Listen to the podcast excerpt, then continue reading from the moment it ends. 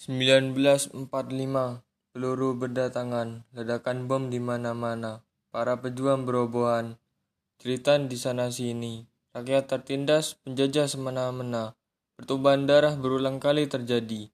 17 Agustus tahun 45, bendera merah putih berkibar, kemerdekaan dinyatakan, itulah hari kemerdekaan Indonesia. Penjajah pulang, penjajah lainnya datang, kemerdekaan Indonesia harus diperjuangkan. 17 Agustus tahun 45. Bendera merah putih berkibar, kemerdekaan dinyatakan, itulah hari kemerdekaan Indonesia.